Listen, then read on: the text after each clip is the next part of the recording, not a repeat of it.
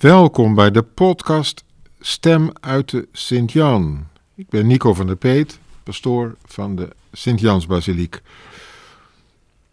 Het loopt tegen het einde van het liturgisch jaar. Volgende week is het Christus Koningfeest en daarna begint de Advent en werken we toe naar het kerstfeest. Ik zit hier in de studio van Radio Laren, helemaal prachtig versierd al met mooie kerstbomen en kerstballen die door allerlei mensen uit Laren zijn ter beschikking gesteld. Het ziet er hier geweldig feestelijk uit.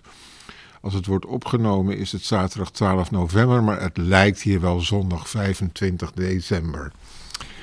Maar goed, wij zijn nog maar in het laatste stukje van het liturgisch jaar op weg naar de Advent. En dat in die dagen van de laatste weken van het liturgisch jaar heb je altijd nogal heftige teksten over het einde. Bovendien is deze zondag door Paus Franciscus uitgeroepen, al jarenlang, tot Werelddag voor de Armen. Bijzondere aandacht dus voor mensen die het zwaar hebben in deze rijke maatschappij. En dat zijn er nogal wat. En dat aantal, tot onze verdriet, groeit dat aantal natuurlijk ook door alle economische problemen waarin wij nu terechtgekomen zijn in de afgelopen tijd. Ik lees eerst voor uit de profeet Malachi, die schrijft: Zie, de dag gaat komen, de dag die als een oven brandt. Al de hoogmoedigen, al wie boosheid bedrijft, zij allen worden stoppels, in brand gezet door de dag die gaat komen, zo spreekt de Heer van de hemelmachten, zodat hij van hen geen wortel, geen halm meer overlaat. Maar voor u, die mijn naam vreest, gaat de zon van de gerechtigheid op, en met haar vleugels brengt zij genezing. En dan een stukje uit de tweede brief van de apostel Paulus aan de christenen van Thessalonica. Broeders en zusters, hoe u ons moet navolgen is u bekend. Wij hebben bij u geen werk geschuwd en niemands brood gegeten zonder te betalen. Dag en nacht hebben wij gearbeid, met veel inspanning en moeite, om niemand van u tot last te zijn. Niet dat wij er geen recht toe hadden, maar wij wilden een voorbeeld geven ter navolging. Ook toen wij bij u waren, hielden wij u telkens deze regel voor. Als iemand niet wil werken, zal hij ook niet eten. Wij hebben namelijk gehoord dat sommigen bij u werkloos rondhangen en alle moeite schuwen, maar zich wel met alles bemoeien.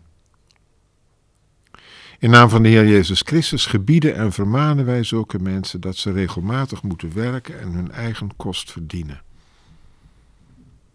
En dan het Evangelie, de woorden van Jezus volgens Lucas. In die tijd merkten sommigen op hoe de tempel daar prijkte met zijn fraaie stenen en wijgeschenken. Toen zei Jezus: Wat je daar ziet, er zal een tijd komen dat er geen steen op de andere gelaten zal worden, alles zal verwoest worden. Ze vroegen hem nu: Meester, wanneer zal dat dan gebeuren? Maar hij zei: Wees op je hoede, dat je niet in dwaling gebracht wordt. Want velen zullen optreden in mijn naam en zij zullen zeggen: Ik ben het. En het ogenblik is nabij. Loop niet achter hen aan. En wanneer je hoort van oorlogen en onlusten, laat je dan niet uit het veld slaan. Dat alles moet wel eerst gebeuren, maar het einde volgt niet terstond. Toen sprak hij tot hen: Er zal strijd zijn van volk tegen volk en van koninkrijk tegen koninkrijk. Er zullen hevige aardbevingen zijn en hongersnood en pest, nu hier dan daar, schrikwekkende dingen. En aan de hemel geweldige tekenen. Maar nog voor dit alles geschiet, zullen ze u vastgrijpen en vervolgen. Ze zullen u overleveren aan de synagogen en gevangen zetten u voor koningen en stadhouders voeren omwille van mijn naam. Het zal voor u uitlopen op het geven van getuigenis. Welnu, prent het u in dat je dan uw verdediging niet moet voorbereiden. Want ik zal u een taal en een wijsheid geven die geen van uw tegenstanders zal kunnen weerstaan of weerspreken. Ge zult zelfs door ouders en broers, door bloedverwanten en vrienden overgeleverd worden. En sommigen van u zullen ze ter dood doen brengen. Gij zult een voorwerp van haat zijn voor allen omwille van mijn naam. Geen haar van uw hoofd zal verloren gaan. Door standvastig te zijn, zult ge uw leven winnen. Dat waren de schriftlezingen van deze zondag. Mensen die de moed hebben laten zakken en gelaten afwachten op wat er staat te gebeuren.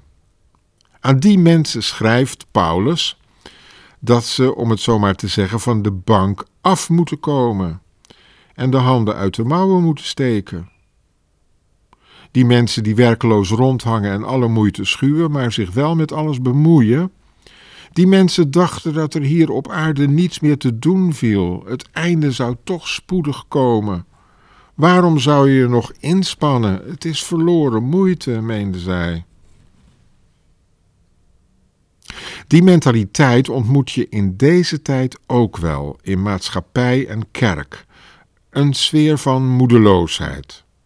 Alles loopt achteruit, de kerk heeft het moeilijk en er lijkt geen hoop meer. Het klimaat loopt achteruit. Zullen we het tij van opwarming, overstroming, bosbrand nog kunnen keren? Ze worden allen stoppels in brand gezet door de dag die gaat komen, hoorden wij Malachi, de profeet, zeggen. Is de situatie hopeloos? Wij leven in de laatste weken van het liturgisch jaar. Aan het einde van de jaarkring horen we woorden over het einde. Misschien klinken ze nu toch anders dan in andere jaren. Veel gebeurtenissen en moeilijke politieke en ook kerkelijke dossiers zouden ons tot moedeloosheid kunnen stemmen.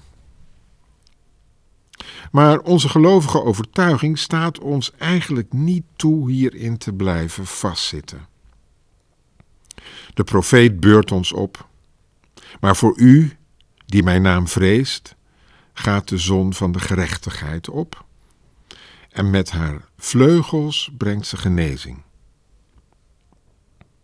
De naam van God vrezen. Wat betekent dat? Vrezen betekent hier dat je leeft vanuit die naam, die naam van God. Die betekent, ik ben die ik ben, ik zal er zijn. Of zoals Jezus zal zeggen, ik ben met jullie tot aan de voltooiing van de wereld. En vandaag zegt hij, door standvastig te zijn, zul je je leven winnen. Voor een christen past de moedeloosheid niet. En ook niet het opgeven van de hoop.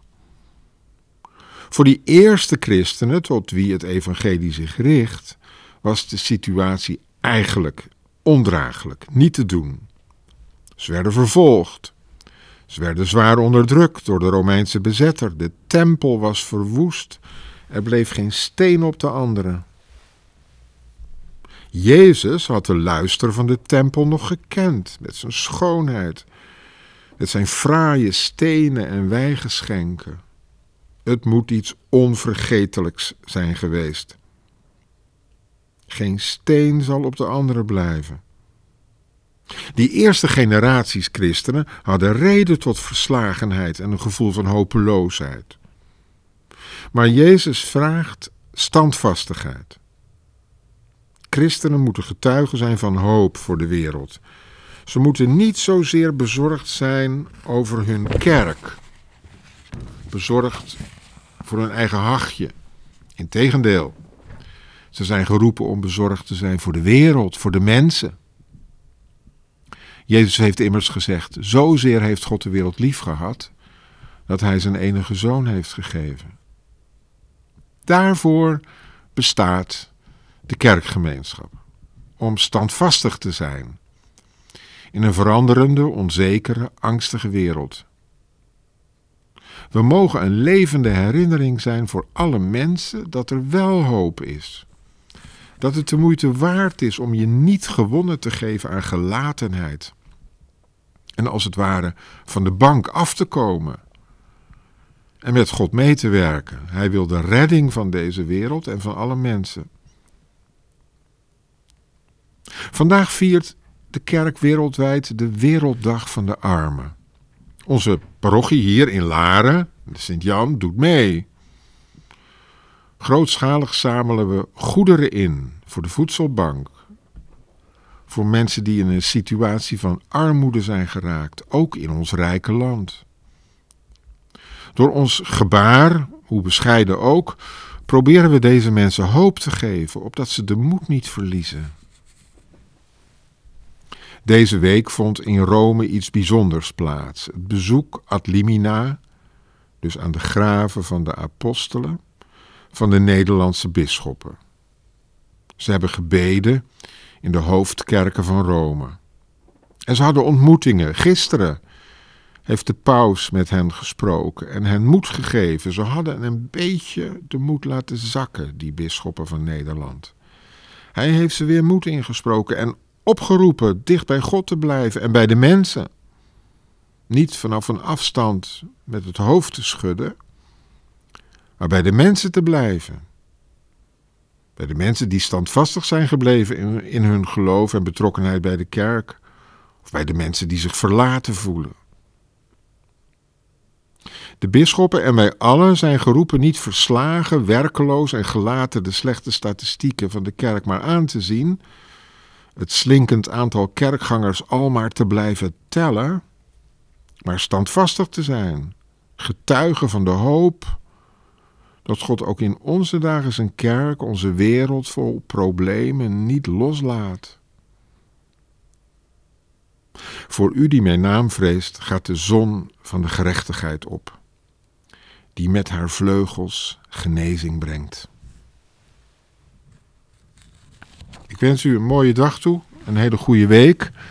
Onderweg naar volgende week, het feest van Christus Koning. En vanuit deze kerstversierde studio van Radio Laren wens ik u alle goeds. Tot volgende week.